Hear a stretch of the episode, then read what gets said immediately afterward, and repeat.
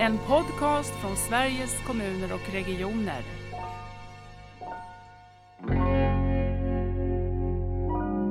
Ja, men, ja, men så är det väl. Jag tror att det här börjar med barnen som betänkandet heter. Det, är liksom, det räcker ganska långt. För jag menar, bara man, ofta är det så att vi glömmer bort barnen. Alltså, de finns där överallt och de är runt omkring oss och vi har egna barn. Men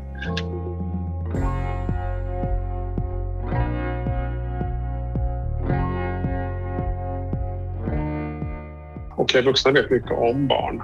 Men vi kan sjukdomar och vi kan olika saker man kan göra, vad man behöver och så. Men vi vet inte hur det är att vara barn.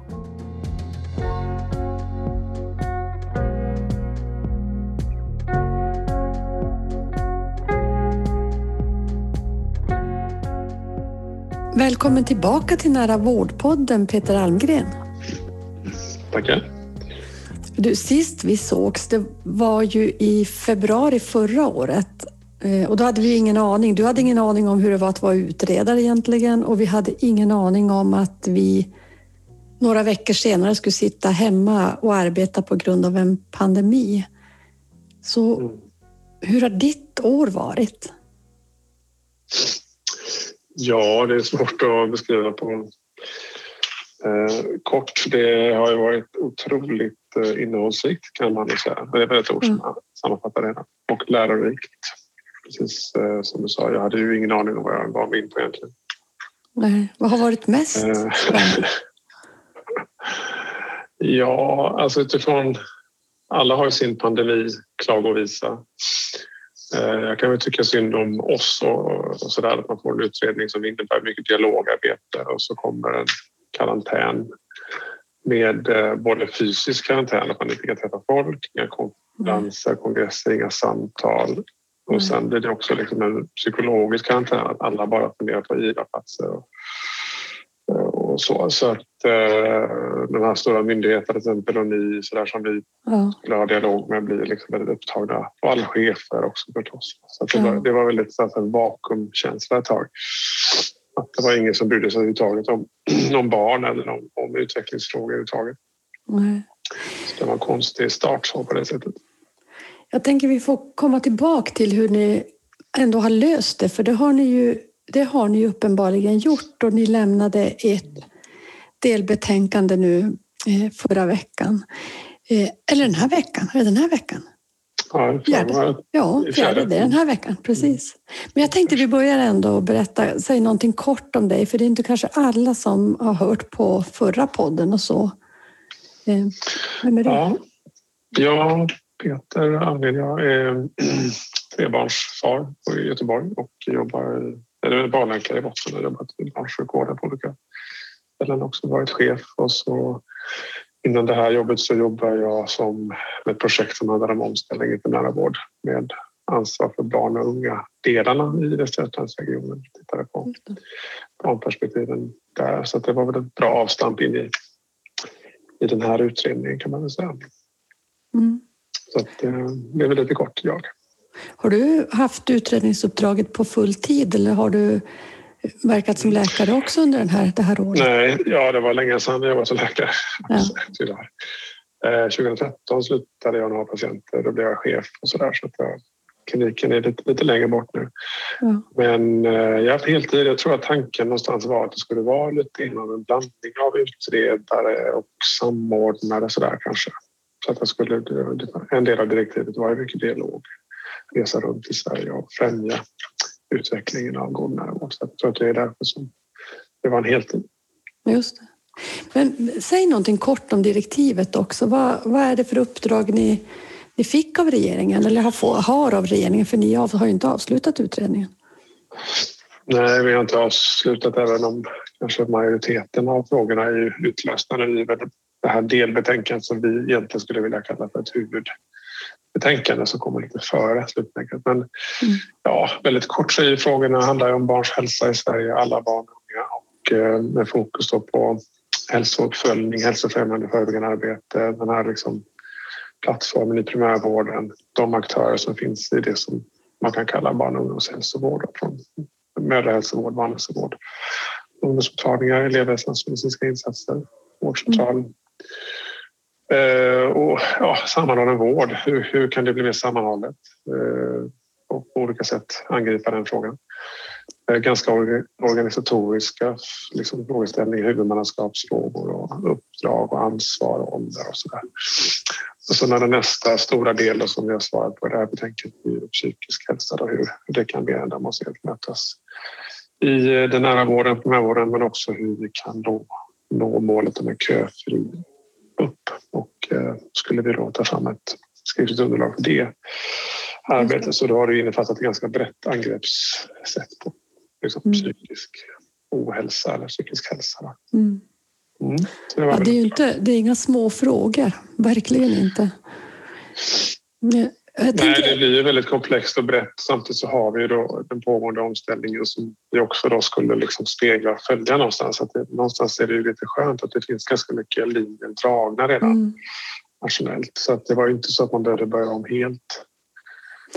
Utan också lite att pröva omställningen med god vård. Är det bra för barn och unga? Ja, liksom hur, vad behöver justeras? Liksom, mm. Göras extra och sådär. Så att jag tycker att mycket, mycket av fåran var ju liksom dragen redan också. Men jag håller med dig. Jag tänker att hela tiden så kan man alltså hela stora utredningen kan man säga, den har ju ingen åldersbegränsning, kanske mer än den delen som handlar om psykisk hälsa som Anna hade. Samtidigt tror jag att det är väldigt bra att man just gör det som du beskriver, att prövar på något sätt omställningen ur barnets perspektiv också. Jag får mycket frågor om det när jag ute och träffar mm. regioner och kommunföreträdare. Hur tänker vi då kring barnen? Har du exempel på, på barnen och så? Mm. Får jag frågor? Så jag tror att det är mm. väldigt, väldigt bra att få den belysningen. Mm. Kan du drömma om den här tjocka boken i deras bord? 700 sidor. Precis. Precis. Läs. Här kan ni läsa. Eh, men om du skulle formulera varför eh, vi behöver göra det här ur ett eh, barnperspektiv. Då. Eh, vad är det som inte funkar idag eller vad är det för dröm vi har om framtiden? Alltså, jag tycker på ett sätt så det finns det många sätt och många saker som fungerar bättre på barnsidan än på vuxensidan också i barnsjukvården eller i barnsystemet. Eh, Naturligtvis. Och eh, barn är ju fantastiska. De flesta är friska, välmående, har en enorm liksom, utvecklingskraft och vill ju inte vara sjuka och allt det här. Det finns ju väldigt mycket alltså, så att, att bygga på under barn och ungdomsåren. Alltså, utvecklingskraft och så. Eh, men samtidigt är det också en skyddsvärd grupp som vill liksom inte ha en egen röst i samhället och har liksom beroende av sina föräldrar eller vårdnadshavare. Man har liksom inte någon rättslig kapacitet alltid fullt ut och man har också ganska skilda sjukdomsuttryck och behov under från liksom späd ålder genom ja, de tidiga åren och tio år och tonåren och så där. Så att det kräver ju någon form av annan liksom kompetens och kanske erbjudande och, och vård och stöd än kanske vuxna. Då. Mm. Sen är det också de specifika arenor som barn befinner sig på vid uppväxten, förskola, skola. Det, vill säga, alltså det finns ju ja, väldigt tydligt eh, olika viktiga gynnsamma eller skadliga arenor för barn och unga som liksom inte vuxna rör sig på. Mm. Där vi också har vårdgivare, vi har liksom olika typer av hälsofrämjande insatser på de här arenorna. Och de, det är där det har varit så fragmentiserat och det var väl det som har varit ganska tydligt för mig att där är det inte alls sammanhållet utan det görs mm. väldigt mycket med, med, på olika sätt och mycket glapp och tappade bollar och man liksom har ingen samordning riktigt på det. Mm. Så där åker nog faktiskt barn värre ut än, än kanske vuxna på det sättet eftersom man också är helt beroende av goda vuxna kan man väl säga. Mm. Och samtidigt tänker man det du säger, det är ju också en potential att, att vi har eh, så samlande arenor för just, just barnen. Så ska vi göra bra insatser sammanhållna så har vi ju lättare att nå fram, tänker jag. Ja, eller Mm. Jag tycker det är skitfräckt och då har du ju liksom från, du har ju väldigt bra täckning då på graviditetsbevakning, mödrahälsovård, barnhälsovård. Du har alla barn i skolan i princip, mm. utom några och sen har du liksom ändå ungdomsmottagning. Du har ju, totalt sett så, så ser vi ju liksom alla barn på något sätt med samhällets öga. Mm. Men, äh, ja, som sagt, men det, det finns ju stora brister i hur vi förvaltar det. Men det var väl det som var grunden i hela här finns ju faktiskt förutsättningarna då. Ja. Och sen alltså, primärvården är ju då i det, liksom kärnan i det här så träffar de ju i princip alla, alla barn. Mm. också. Eh, så. Mm. Ja, men, och vi ska prata om vad, vad ni lägger för, lägger för förslag nu, men jag tänkte först den här frågan. Ja, men nu kom den här pandemin och det var väldigt mycket ett dialoguppdrag som ett samordnaruppdrag också i den här utredningen. Hur har ni löst det då? Har ni kunnat träffa någon? Ja, men det faktiskt gick det gått väldigt bra. Det är väl så där med allting att först så tänker man vad inne, vad inne, hur ska det här gå? Så, där. Kanske, mm. så sen gör man ju någonting åt det och så blir det ganska bra. Så vi har ju träffat, jag tror ungefär att det är nog 1300 åtminstone vuxna professionella som vi har träffat i dialogmöten. Vi har ju varit runt i hela Sverige och bjudit in brett kommuner, regioner och företrädare och nätverk och haft ganska öppna frågor, diskuterat direktivet. Eh, så det var ändå som ett, över ett 50-tal möten i alla fall och varit väl frekventerade. Mm. Bra diskussioner och sen har vi då tillsammans med BRIS och tidigare då gjort eh, över 800 barn faktiskt delaktiga i utredningen och pratat, pratat med många där i workshops. Vi har haft banketter, vi har haft fokusgrupper, digitala workshops. Så, så vi har haft väldigt mycket ändå dialoger med både barn och unga och vuxna. Med föräldrar också eller?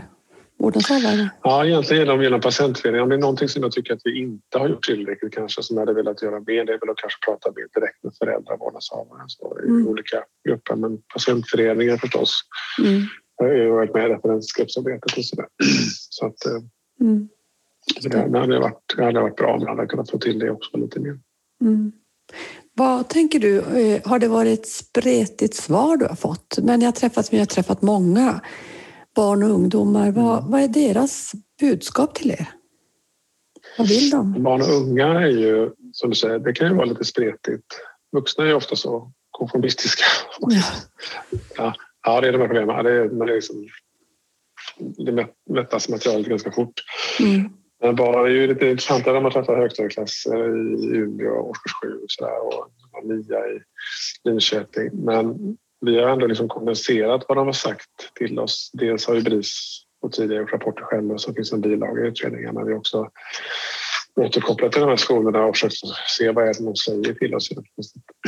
om jag skulle sammanfatta det så skulle jag säga det viktigaste som i alla fall det gav mig och oss det är nog liksom hur, hur det är att vara ung idag. Alltså känslan av att vara ung och bli betraktad av vuxenvärlden, liksom försöka finna, hitta en plats.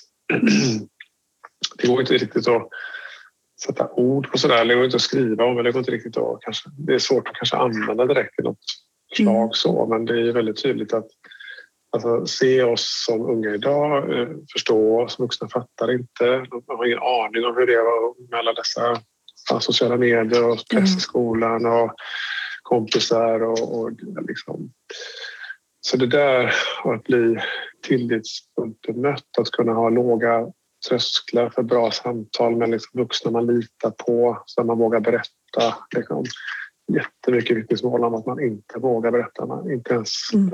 att man tror att någonting ska hända som faktiskt skadar dig själv sen. Liksom. Så berättar den för den och, och så plötsligt så vet vet. Och så händer ja, det. Jättemycket sådana här. Och då, då slås man av hur utsatta de liksom är. Att de är liksom ändå beroende av att vuxna är snälla på något sätt. Um, och så att få, få barnen och det kan gälla skolkuratorn eller möte i vården eller vad som helst eller föräldrarna. Mm. Och då mm. tycker jag de, de verkligen då, för vi pratade lite mycket lösningar sådär, men ja, då är det ju då är de ju väldigt förtjusta i alltså, drivs då anonymt, eh, appar, liksom självhjälp, man googlar runt, man pratar med mm. kompisar, man slänger ut frågor på alltså UMO och de här eh, tjänster som är lättillgängliga, anonyma.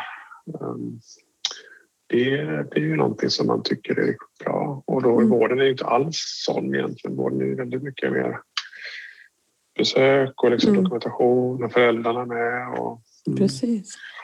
Och där kan man ju undra hur mycket vi har liksom kunnat hjälpa dem med de sakerna. Det är ju ungdomsmottagningarna som ha den verksamheten och sen då civilsamhället. Men vården är ju inte riktigt där än att man kan söka själv som 12-åring på BUP till exempel om man Nej. mår dåligt. Men jag tänker bara de berättelser, det du berättar nu eh, behöver vara drivkrafter i utvecklingsarbetet sen lokalt. Att verkligen involvera och få de här berättelserna i sin egen mm. verksamhet. För det tror jag är väldigt motiverande. Att ja, jag tror faktiskt det. Att, ja, och det är, det, som, det är väl min erfarenhet också från tidigare att jag har ju själv suttit och vi har pratat om referensgrupp med barn i åratal i chefsgruppen och inte fått till det. Det, det är egentligen bara att göra det. Nu gör vi det här bara. Det är inte så mm. himla svårt. Nej. Jag ser nog, vi ser nog en framväxt av väldigt mycket ungdomsreferensgrupper kopplade till barnkliniker och olika beslutsorgan. Så, så jag tror att det kommer, kommer komma mer och mer men det är ofta väldigt fruktbart och väldigt skönt att liksom våga fråga barnen faktiskt hur, hur blir det här för er? Vi gör, vi gör det här för er, men hur blir det för er och att våga då låta dem också påverka besluten och så, det är det som är svårare. Mm.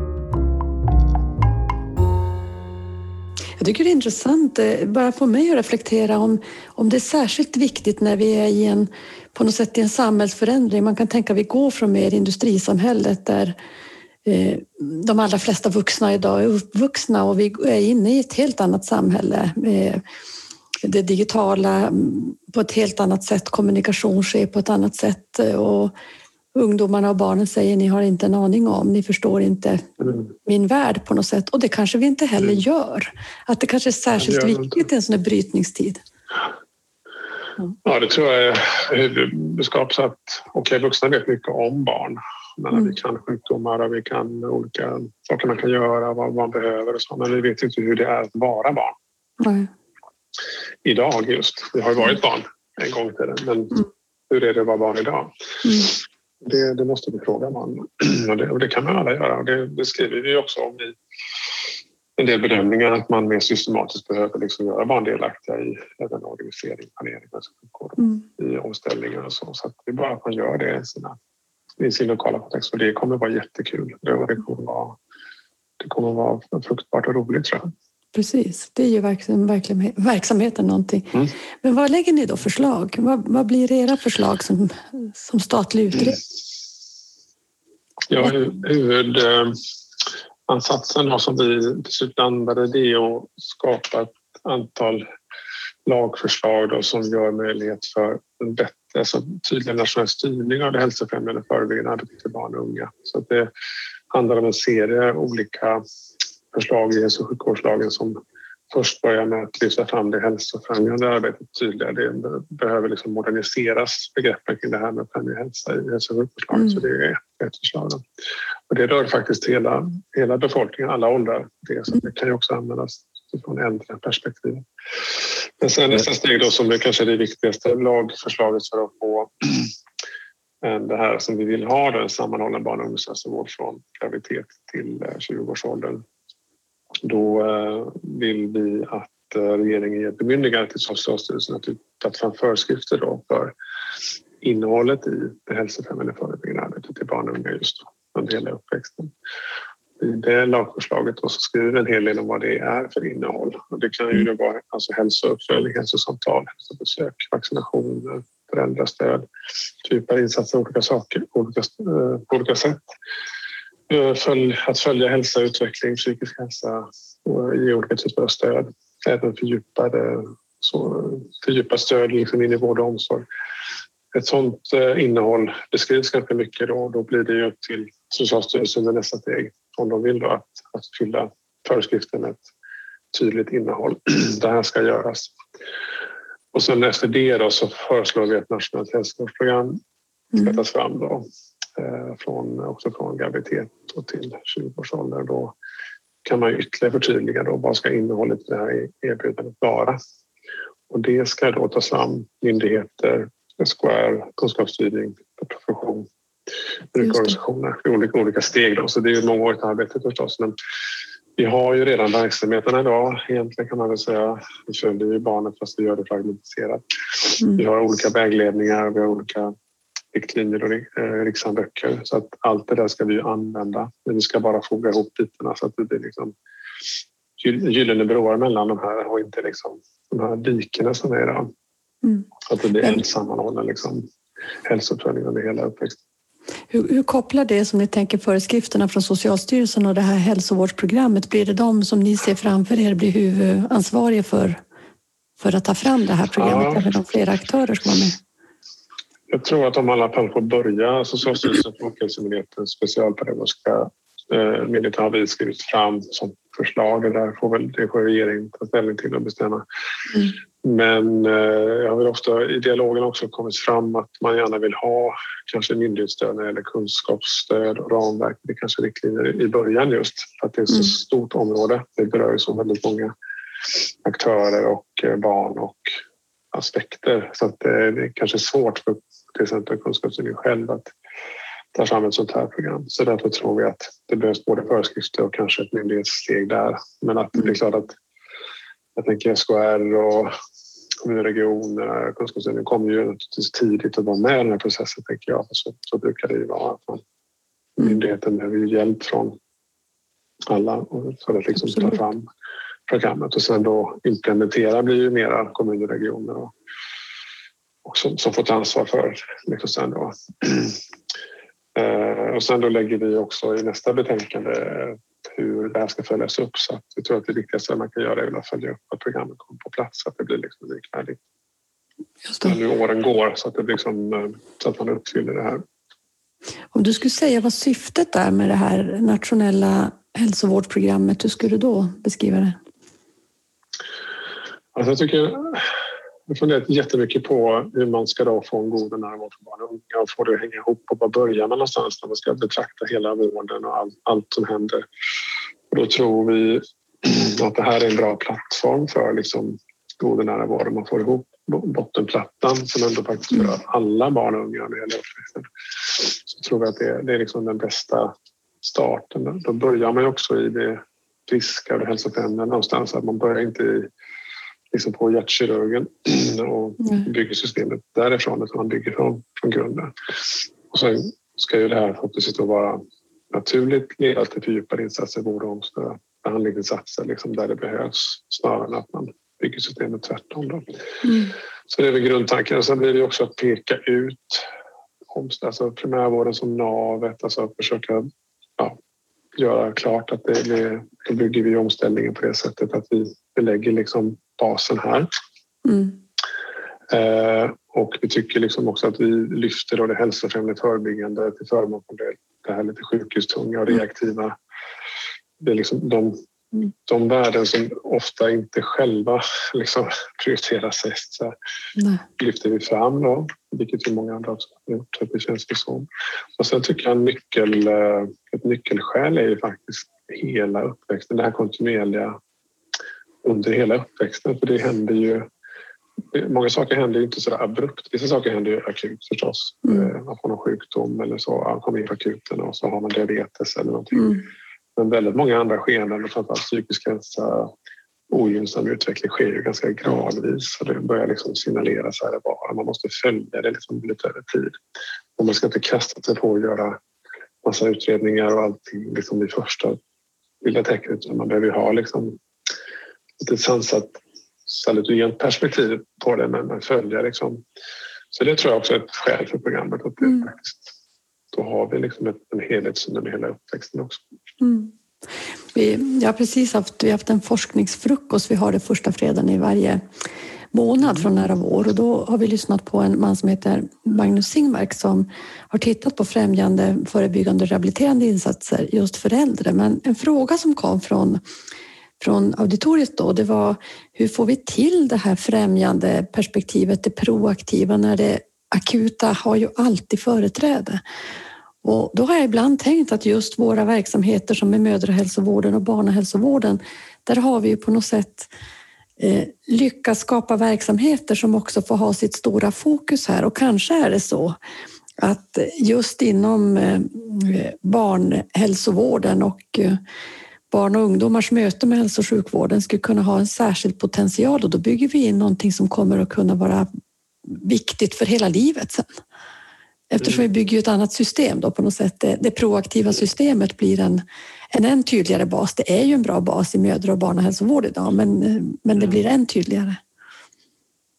Jag tror också att man kan lära mycket av, man kan liksom pilota en del sådana saker på barnområdet också. Precis som du säger, det finns ganska mycket att bygga på som också kan vara nytta för andra åldersgrupper eller i sina mm. liv. Mm. Jag talade med någon primärvårdsrepresentant kring det här med hälsouppföljning och det är tydligt att kanske om man sitter och driver primärvård att man tycker det är ganska... Man skulle verkligen vilja ha ett starkt hälsouppföljande och proaktivt spår för både barn och unga och äldre. Mm. Just att man ser att här finns det ju verkligen anledning att jobba mer på det sättet. Sen kan mitt i livet också behöva det förstås men, men, eh, ja, men jag tror också att det här kan vara absolut en, ett sätt som är lite framtidens eh, hälso och sjukvård. Det känns lite grann som en modernisering överhuvudtaget av hur vi ser på hälsa och hur vi ser på hälsans bestämningsfaktorer. Jag tycker utredningen kan läsas på det sättet att man försöker modernisera lite grann. Vad är det egentligen som händer? Vad är det som, vad är det som påverkar barns hälsa? Och utgå från barnens liksom, behov och inte från hur det alltid har sett ut i sjukvården och hur, hur vi alltid har riggat det. Och, mm. och ni har en spännande bilaga också i betänkandet som tittar på evidens för hälsofrämjande och, och, och också hälsans bestämningsfaktorer. Du kanske kan säga något om det?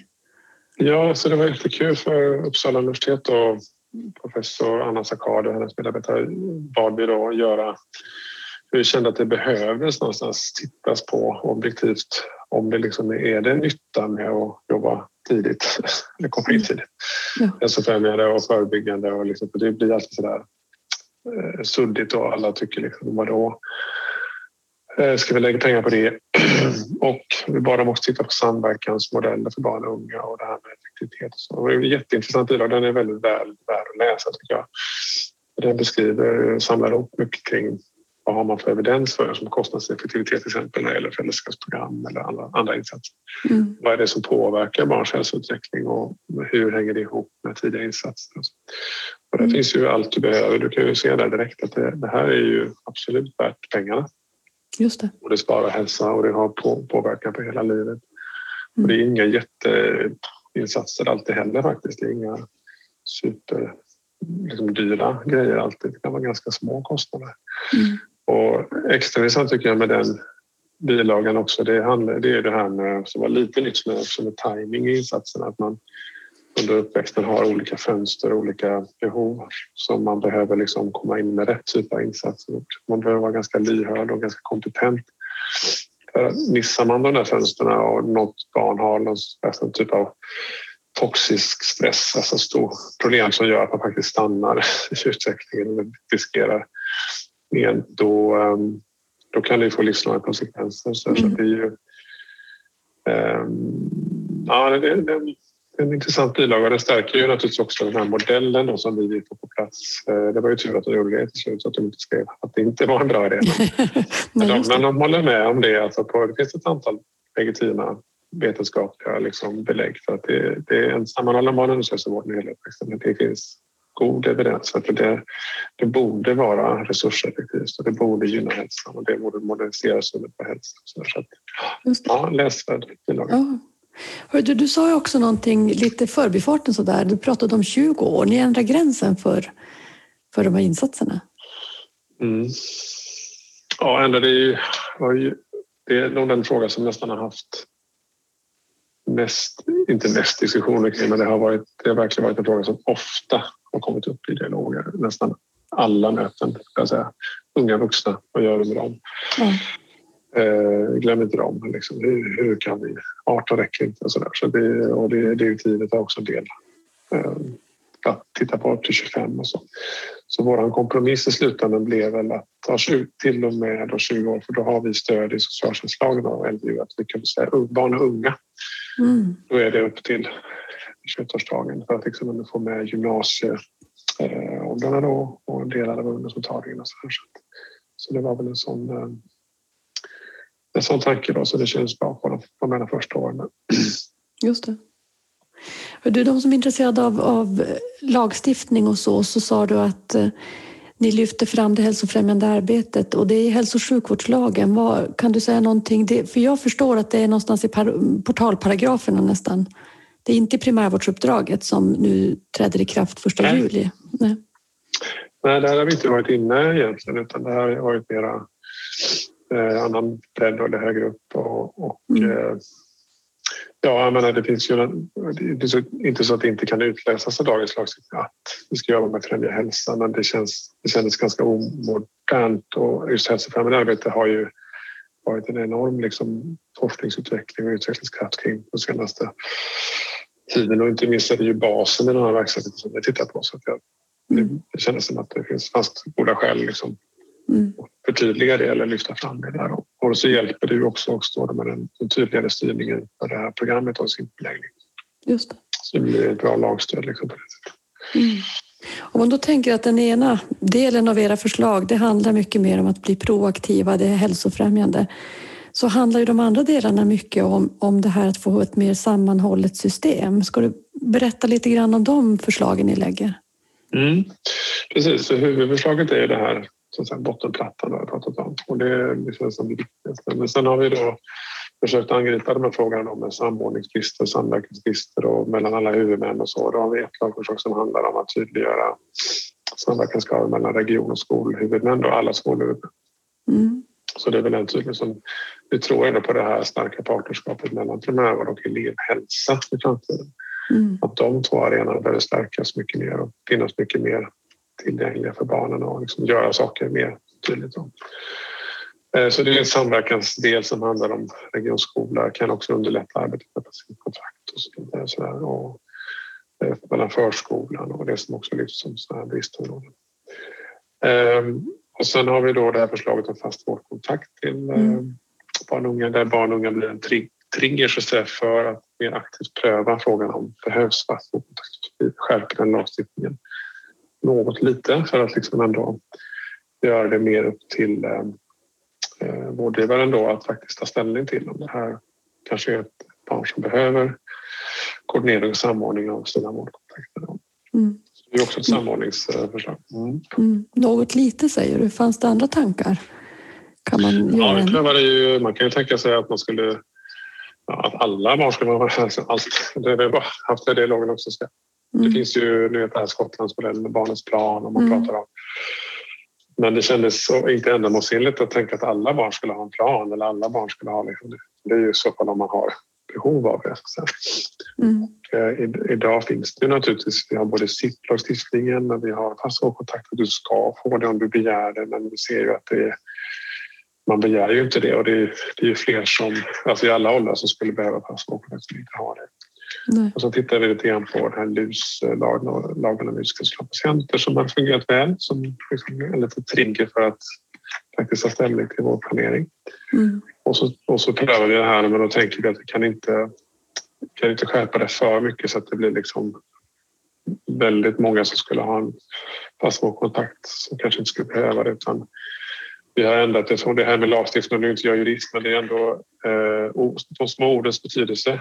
Mm. Nu, nu står det ju i princip eh, en transaktionskontakt ska utses om patienten begär det eller det är nödvändigt. Mm. Och vi har ändrat då från begär det eh, eller anses vara nödvändigt. Så att, mm. eh, det, ligger, det blir lite mer press på så att säga, när man träffar i vården att faktiskt ta ställning till om det här barnet behöver transportkontakt. Plus att då barn och unga då är en, det är det som är den triggern för att det här ska lösa ut den här lagen. Just det. Jag tänker mycket har ju också i diskussionerna handlat om eh, vad ska jag säga, informationen eller diskussionen om att det här finns i lagstiftning. Om man nu tänker på den lagstiftning som funnits under lång tid, det är ju sedan 2010 mm. tror jag som fast vårdkontakt kom in i lagstiftningen. Att det är ganska mm. få eh, av allmänheten som känner till det. Har ni diskuterat mm. någonting kring det? Information? Hur kommer de här barnen och unga och deras vårdnadshavare att, eh, att veta att det här är någonting som kan finnas för mig om vi behöver det? Ja, en bra fråga. Vi pratar jättemycket om det här med dels hur mycket som redan är reglerat när det gäller samverkan och, och planer och, och hur mm. lite implementerat det blir i många fall. Mm. Eh, så man gör, gör väl alltid en sån här prövning. Är det här verkligen ändamålsenligt? Kommer det här leda till någon praktisk förbättring? Och så har vi väl gjort den bedömningen här att det, eftersom den här LUS-lagstiftningen fungerade väl utifrån att man fick fler som hade då den här eh, planeringen, den här samarbetsplanen. Så utifrån det så gjorde vi ändå avvägningen att det här det kan nog ändå göra en viss skillnad. Mm. Men eh, det är klart att det är som allting med patientkontrakt, alltså det som ni jobbar med, att man behöver jobba med frågorna och lyfta dem och försöka få det att hända och mm. prata om det och så också hela tiden. Nej, och jag tänker också att ibland handlar det om att eh, saker och ting kommer i, i rätt tillfälle där det finns en mer mognad. Och jag tänker att de här frågorna kring kontinuitet, patientens eh, rätt och ställning, de är ju väldigt mer mogna idag känner jag än bara för mm. fem, tio år sedan. Så att jag tror att det spelar roll att, att ni lyfter den fasta vårdkontakten och patientkontrakt. Men ni lägger inget förslag på patientkontrakt. Ja, vi har ett betänkande till men det som vi skriver nu då är ju att eh, det är bra och det ska jobbas vidare med men man behöver titta på det här med skolhuvudmännen och det är inte självklart att de är liksom med i den regleringen som nu ligger beredning så att säga så att eh, det är ett medskick. Mm.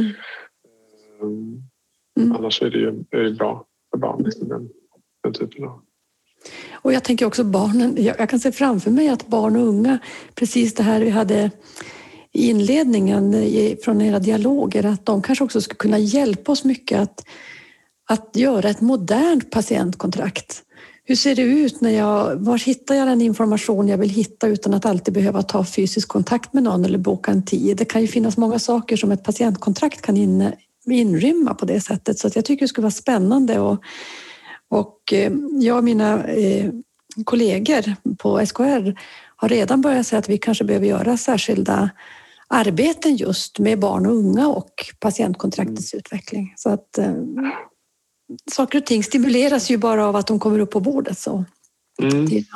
Ja, men, ja, men så är det väl. Jag tror att det här börjar med barnen som betänkandet heter. Det, är liksom, det räcker ganska långt. För menar, bara man, ofta är det så att vi glömmer bort barnen. Alltså, mm. De finns där överallt och de är runt omkring oss och vi har egna barn. Men man blir lite så här, ja, man ser dem inte riktigt heller. Så, ja, vi tar det sen. Men det passar nog för dem också. Så, så ja, att, bara att man stannar upp och tittar, ja just det, barn, ja.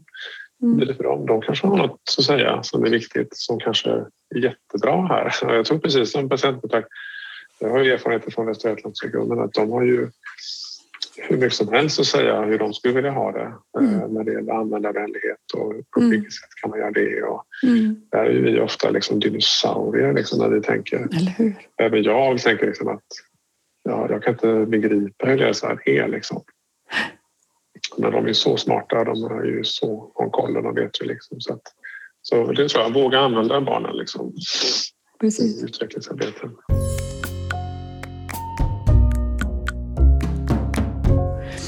Du, eh, en fråga som jag tror många mm, riktar blickarna på direkt när man får ditt delbetänkande, det är hur är det nu med huvudmannaskapsfrågan? Och du var inne på det här med elevhälsans roll. Ni hade att titta på den medicinska delen av elevhälsan, om det skulle byta huvudman och, och samverkansfrågorna här emellan. Så att fördjupa lite grann ditt resonemang kring, kring vad ni har kommit fram till och varför också. Ja, det var ju direktivet och så det skulle ju utredas precis som du säger och eh, jag tror att det var bra att man verkligen tittade på det ordentligt. Liksom. Alla vinklar då försökte titta på det då ur liksom organisationsperspektiv och barnperspektiv och, och allt, allt möjligt för att för det är klart tanken syftet med det är ju ganska tydligt eller uppenbarat. Det är klart det blir mer sammanhållet om man har en huvudman eller en mm. organisation. Det är ju enklare med journalsystem och planering och kompetensförsörjning och ja, samutnyttja resurser och, och, så. Det blir mer robust och allt det där. Så det finns ju många fördelar man tänker sig då. Eh, regionalt huvudmannaskap. Att vi prövade tidigt och, och pratade om kommunalt eh, huvudmannaskap för alla de här aktörerna men det kändes som ett ganska stort ingrepp att byta. Eh, tyckte inte att det hade gått igenom riktigt. Det finns ju mm. andra länder, grannländer som har kommunal, mycket mer kommunal sjukvård. Det kändes inte som en framkomlig väg. Så då prövade vi regional huvudman då och då är det ju UM, ungdomsmottagningarna med kommunal drift och insatser som är föremål för, för detta. Men vi har som sagt kommit fram till att vi inte, vi rekommenderar inte att man byter, eh, flyttar huvudmannaskap från skolhuvudmannen till regionen mm. för EMI och det Eh, det landade i slutskälen egentligen var väl att eh, det, det liksom inte löser inte samordningsproblemen på det sättet att byta huvudman. Man kan tycka ibland att om man gör det så blir det bra. Väldigt, väldigt många har ju liksom Ja, men det där måste göras liksom, och det, det, då blir det bra, då blir det ordning och det. Alltså, det, det mm. finns ju den falangen då som tycker att mm. det är tydligt, så ja, nu gör vi någonting konkret och så blir det bra. Men det är inte alls säkert att det löser samordningsproblemen mellan regioner och skola. Så. Och sen det andra huvudskälet har varit att, att det blir då, då blir det en aktör inne i... Alltså elevhälsan är ju en väldigt fin verksamhet som liksom har den här fyra perspektiven då, med liksom väldigt tvärprofessionell syn på eleven eller barnet och jobbar ju liksom det är jättesynd. Det riskerar man ju förstörd om man tar bort en gren och lägger en annan huvudman. Mm. Säg någonting om de fyra perspektiven. Det är inte säkert alla. Ja, du har ett pedagogiskt perspektiv förstås då, skolan och sen har vi ett psykologiskt perspektiv, alltså skolpsykologer och så. Och sen har vi ett socialt perspektiv, sociolog. Och så har vi ett medicinskt perspektiv. Alltså det, är, det är väldigt klok liksom, mm. avvägning om man tittar på ett barns utveckling eller problem eller så, så är det ju, kommer man ju egentligen i hand om man tittar på med de fyra sätten på. Mm. Eh, så att så grundkonstruktionen av elevhälsan som ju rektor då förfogar över och styr och samordnar och så, då blir ju det svårt för han eller hon att göra det om, om man har en annan huvudman som har en av de här delarna i skolan. Mm. Så det var väl en, en orsak och sen också med vård och skolval då att det, det är klart i stan till exempel så kan det vara väldigt många man väljer väldigt olika skolor så att på en skola kan man ju, det ju vara 30 vårdcentraler som har elever på en skola och tvärtom. Så det, det blir lite svårt med det att man ska då bedriva verksamheten i skolan som region. Mm. Så vi har ju, vi har ju liksom en miljö och en, ett system idag som är väldigt komplext som inte riktigt främjar liksom områdesansvar och kontinuitet på det sättet mm. även om det, det liksom innebär fritt, fritt val av de värdena så har det ju, det är svårt med det här som vi hade kanske förr. Så det är väl hushåll och sen har det varit risker och det har varit mycket så att säga, motstånd också i den här frågan. Mm. Och då, men det har varit oro för att elevhälsans medicinska insatser skulle prioriteras ned av regionen. Att regionen tänker att det här är mindre viktigt. Mm. Det här gör vi liksom inte och det skulle försvinna ja, och, en del andra saker också. Men hur ska vi få till då? Hur vet vi att det blir något annorlunda nu då? Vad, vad gör ni för det? Ja, vi prövade ju också ett förslag till då som, han, som inte heller skrev fram men som vi skriver om, som jag berättade lite grann om igår, som handlar om att, att då, okay, vi kan se om man kan lägga delar av uppdraget inom elevhälsans medicinska insatser som är lite mer hälso och sjukvårdskaraktär, renodlat sådär då hälsobesöken och, och vaccinationerna. Om vi lägger dem regionalt regionalt ansvar så, och om man har en samlad regional hälsouppföljning då, så har vi, då har vi liksom utrett och, och vänt och blivit på det också och beskrivit. Och det, då kan man ju säga att fördelar, skillnaden mellan det och huvudmannaskapsförändring är att då får man då har man kvar elevhälsans medicinska insatser med de professionerna, liksom med övrigt uppdrag i skolan. Man har kvar elevhälsan som helhet, man har kvar skolhuvudmannen som vårdgivare och som, som kan styra över den. De har också kvar sin peng så att man skulle få kunna... Då, på vissa skolor lägger ju kanske skolsköterskan 80 procent av sin tid på hälsobesök och mm. vaccinationer. Mm. Mm. Man skulle kunna göra väldigt mycket hälsofrämjande arbete och jobba med lärandemål och anpassningar och stöd och tillgänglighet för elever på den tiden. Mm. Eh, samtidigt som då regionen skulle få ansvar för hälsobesök och vaccinationer antingen under hela uppväxten om man skulle fortsätta liksom barnhälsovårdsprogrammet upp i skolåldern. Så, så att det fanns liksom en, en ren tanke kring det. Eh, som då skulle innebära lite mer renodlade roller. Då. Det skulle innebära att eh, på, på sätt och vis så skulle ju skolan tappa en arbetsuppgift eller två men de skulle också få möjlighet att göra mer av det som kanske är uppdraget i skolan, just att jobba mot lärandemålen med hälsan. Då. Men då släpper man lite grann av en släpper man iväg det lite åt det hållet. Medan regionen mm. skulle få kanske ett lite mer självklart ansvar men ett, ett större ansvar. Mm. Och hinder för varför vi inte lade fram det här det, det är för att vi är inte redo idag. För att dels måste ju då vaccinationerna fortsätta utföras i skolan. Primärvården måste ju ha blivit så stark och, och liksom redo att den också jobbar uppsökande, finns utanför vårdcentralen och kan finnas i skolan och så vidare. Just det och måste också ha barn och ungdomskompetens på ett annat sätt. Idag ser man ju inte de här skolåldrarna riktigt på det sättet. Mm. Man har, det är ganska mycket som behöver göras. Och där är man inte liksom redo för att, skulle man göra det förslaget nu så skulle det förmodligen bli en del patientsäkerhetsrisker. Man skulle riskera att tappa vaccinationsläggning och så. så, att, så att, eh, och sen behöver man då säkra då att elevers medicinska insatser framförallt inte liksom försvinner eller prioriteras ner utan att man måste ha det här starka medicinska ögat i skolan. Och vilken roll ska man då ha när man inte gör hälsobesök och vaccinationer som skolsköterska? Eh, så att det var en del sådana avvägningar som gjorde att ja, då säger vi att ja, vi har skrivit om det här, det är en tänkbar väg och så säger vi att om det här programmet, om vi pratar om det, mm. om vi nu, det är det viktigaste, liksom. om det mm. nu inte... Eh, vi, alla vill att det ska bli bra, det ska bli antaget, robust, bra kvalitet, likvärdigt implementerat över hela landet. Det kommer ju bli en dröm alltså. Det vi, alla vill ju det kan man mm. säga. Men om man då säger att ja, här, det kommer inte, vi levererar inte på det här. Vi, om man säger skolor, man så kanske inte föräldraskapsstöd, vi kan inte ge det eller vi, vi ser inte till hela hälsan, vi ser bara till lärandemålen. Liksom. Men I det här programmet så behöver man erbjuda helheten. Liksom. Mm. Eh, så skulle då någon huvudman eller så visa sig framtiden att det här, är, det här går inte, det blir för spretigt och ojämnt, då kanske man kan ta ställning till det här förslaget igen då i så fall. Ja, och se, är det rimligt och renodlat att ge regionen lite mer ansvar för hela hälsan och skolan lite mer ansvar för skolmålen mm. och skolmiljön. Och att uh, ja, man jobbar sida vid sida. Mm. Uh, sådär så att ja, men som sagt, vi la ingenting, inget förslag om det utan det är helt bara beskrivet. Och mm.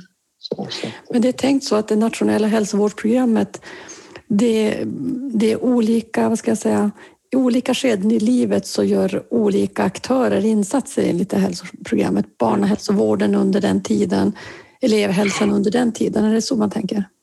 Alltså det, så vi har ju expertis och kunskap uppbyggd kring mödrahälsovård förstås och graviditetsövervakning och allt det där och med postpartum, depression, screening och liksom, mm. Eh, sen har vi BVC-rikshandboken och så mm. har vi ju elevhälsoarbetet och vi har också ungdomsmottagningarna som, som absolut vi tycker ska vara en, en stärkt och en lik, mer likvärdig del av sådana program. De har jättemycket ungdomskompetens och mm. skulle kunna...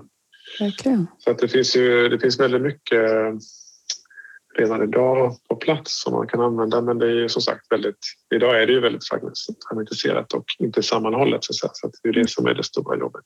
Plus att det ändå kanske får jag tror, jag tror precis som man pratar med, med barnen här på skolorna så förstår man ju liksom att oj vilken traditionell liksom, organisation. Vi har, så här, vi har lagstadgade hälsobesök, vi pratar ja. om hälso övervakning och vi, oj, oj, oj, var tredje år ska vi det. Alltså, någonstans behöver det bli mycket mer agilt och liksom digitalt. Det är väl självklart att ja. vi ska ha en hälsoföljning som kanske är mer frekvent. Så de ja. barnen säger till oss liksom, att åtminstone en gång per år ska man kunna ha en, digital checkup. Liksom, ja, och så, där. Och, och, så det är klart att i framtiden så kommer man ju ha ett helt annat modernt liksom, hälsouppföljningskoncept än vad det idag, det tror jag. Mm.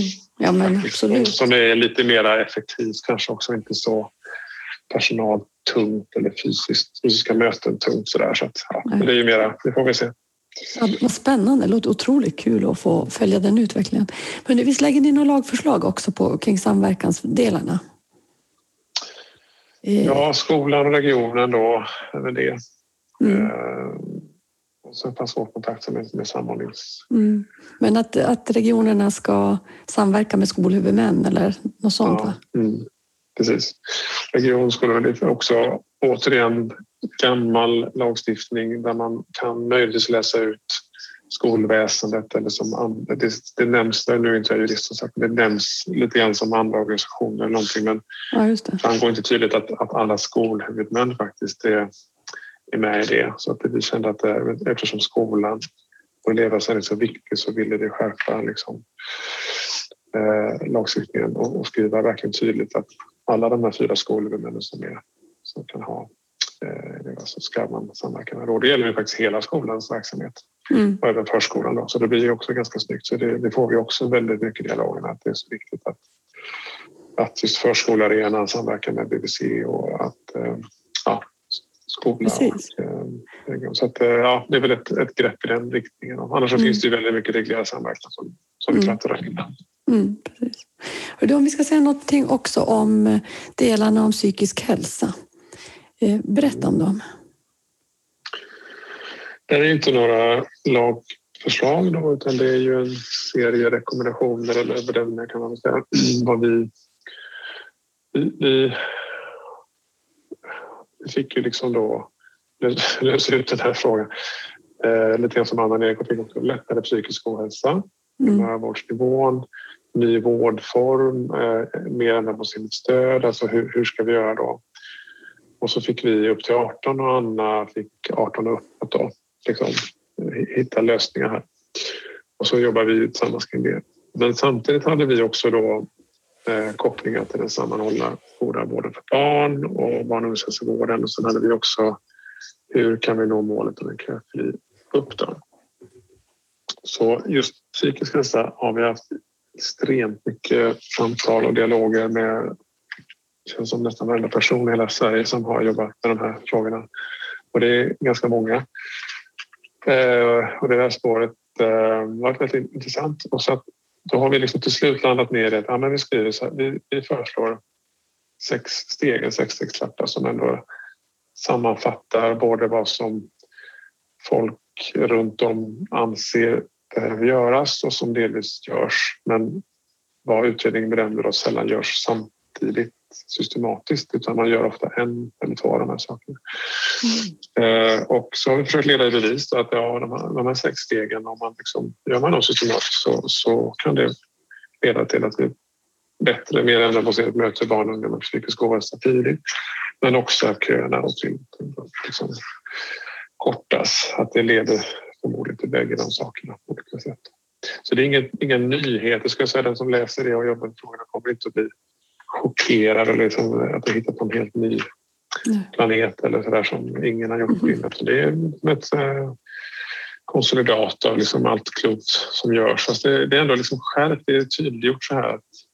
Jag kan ju bara dra det lite kort. Det, det är liksom, man, de här sex stegen beskriver som sagt eh, hur man, hur man kan tänka och systematiskt jobba med psykisk ohälsa då, barn och unga. Då, och då tror vi att första steget handlar ju mycket om hälsan spelar bestämningsfaktorer som vi pratade om tidigare och att det är väldigt många saker som har bäring på barns hälsa och, och det är inte så att hälso och sjukvården egentligen har med allt det att göra och ska inte heller hantera allt som har med det att göra. Det är många andra arenor som är viktiga, inte minst förskola, fritids och idrott. Och men alltså, civilsamhället gör stora insatser och, och eh, familj och så här.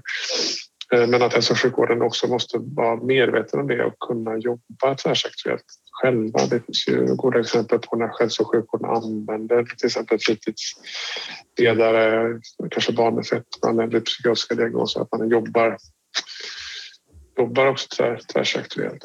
Så jag beskriver hela den här breda basen, folkhälsoarbetet och så vidare. Eh, också det här med synen på diagnoser och alltså att man, man, diagnosjakt och så vidare. Att man, det är klart att vi har diagnostik i våran, liksom, det är det vi har i vården som, som ett eh, grundfundament men, men ibland kan det vara mer ändamålsenligt att prata om kanske vad, vad kan vi göra för det här barnet? Kan vi ge någonting nu utan att vi vet precis hela DNA-spiralen här och alla kan vi göra något stöd här liksom och så, och så vänta lite och se. Alltså den, den typen av liksom lite bred diskussion först. Och sen nummer två då, det är ju vår sammanhållna barn och ungdomshälsovård. De lagförslag som vi lägger där som vi tror är väldigt gynnsamma för att kunna hitta psykisk ohälsa tidigt och ge stöd på olika sätt. Um, och nummer tre handlar om det då som Anna Nergård la som lagförslag i sitt slutbetänkande som handlar om att synliggöra psykiska vårdbehov mm. i grunduppdraget i primärvården. Och eftersom då de la det förslaget så, inne, så träffar det ju barn och unga automatiskt. Mm. Så det är alla, alla. Och då utvecklar vi eh, våra tankar kring det och ställer oss bakom det förslaget och förklarar lite grann varför det skulle vara bra och vad som behöver ske då. Om nu det ska eh, bli verklighet. Och så steg fyra och liksom lite förlängning till det är väl just att eh, då behöver, det behöver stärkas med resurser och kompetenser kring barn och unga för att kunna möta de här vårdbehoven. Inte minst psykosociala team och olika typer av... Ja, det behövs vissa kompetenser förstås. Och då skriver vi lite där om eh, de första linjeverksamheterna som har vuxit upp och som har eh, utvecklats mycket under det sista decenniet med både med hjälp av er på SKR och statliga medel att de eh, ska man ju absolut använda och, och det finns jättemycket kunskap och uppbyggda flöden där men att det behöver bli mer enhetligt. Då. Det blir liksom en väg in via primärvårdsportalen det, och det säger ju också unga själva till oss i dialogen så att de behöver ha en väg. Det är all välmening och alla projekt och alla nya modeller men det kan vara jättesvårt att veta vem jag får vända mig till. Hur, hur kommer jag dit? Vad finns det här där jag bor? Och så. så att, mer enhetlighet. Så. Eh, nummer fem handlar om att den specialiserade vården och barn och ungdomspsykiatrin eller, eller annan specialistvård behöver verkligen ha en strategi att de är konsultativa och nära tillgängliga för primärvård och skola. Mm. Att de liksom ligger liksom dikt an, stödjer, handleder, finns med, utbildar, överför kompetens. Kan triagera tillsammans. Eh, stegvis vård funkar inte om du inte har liksom en bra triagering. För att det kan ju gömma sig svåra saker liksom i, i lindriga Mm. uttryck. Mm. Så, att, ehm, så.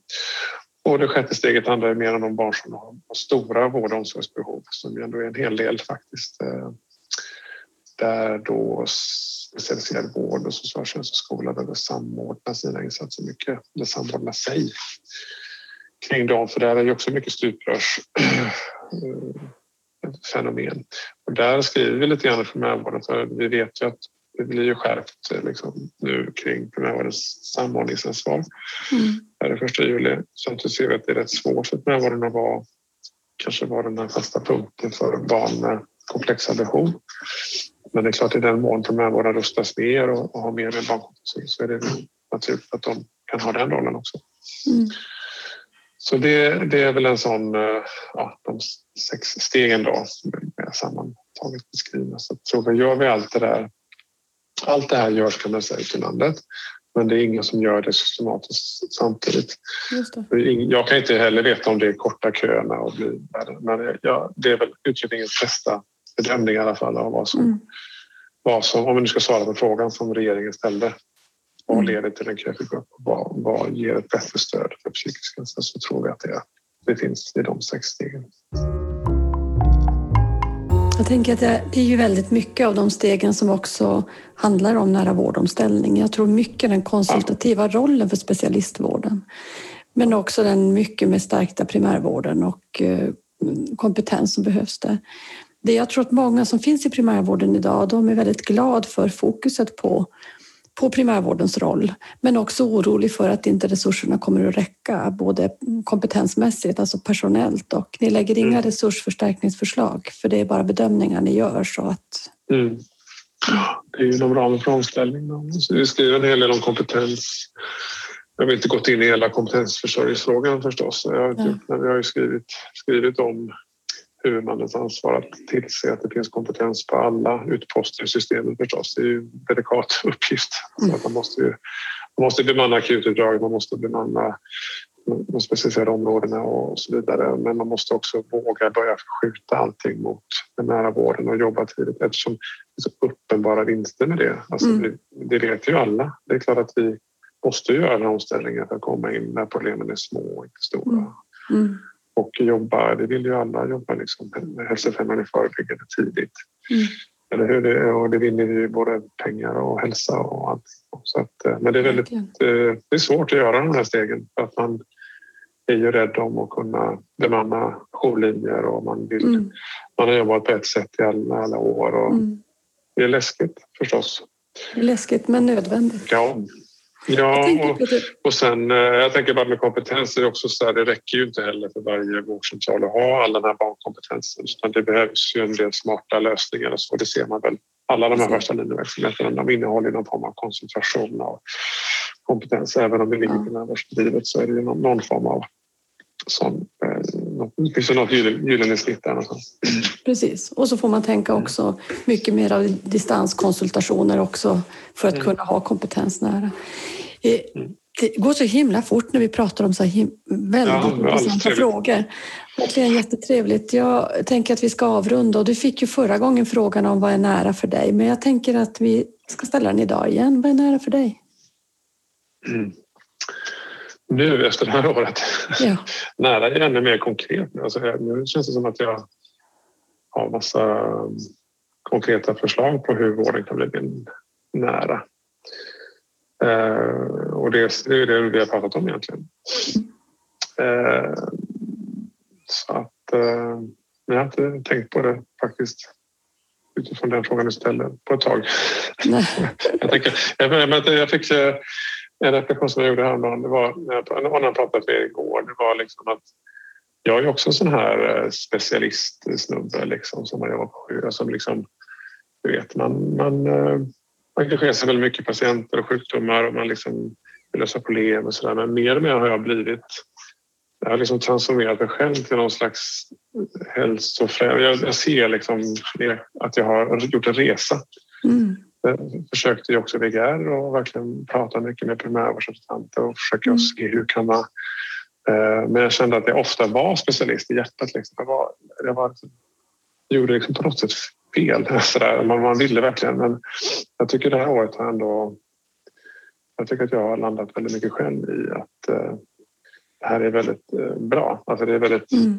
klokt och det, mm. det, är ett perspektiv som man som jag i alla fall har, har i, i hjärtat nu. Och det är, jag förstår att det, är, det, det gör sig liksom inte...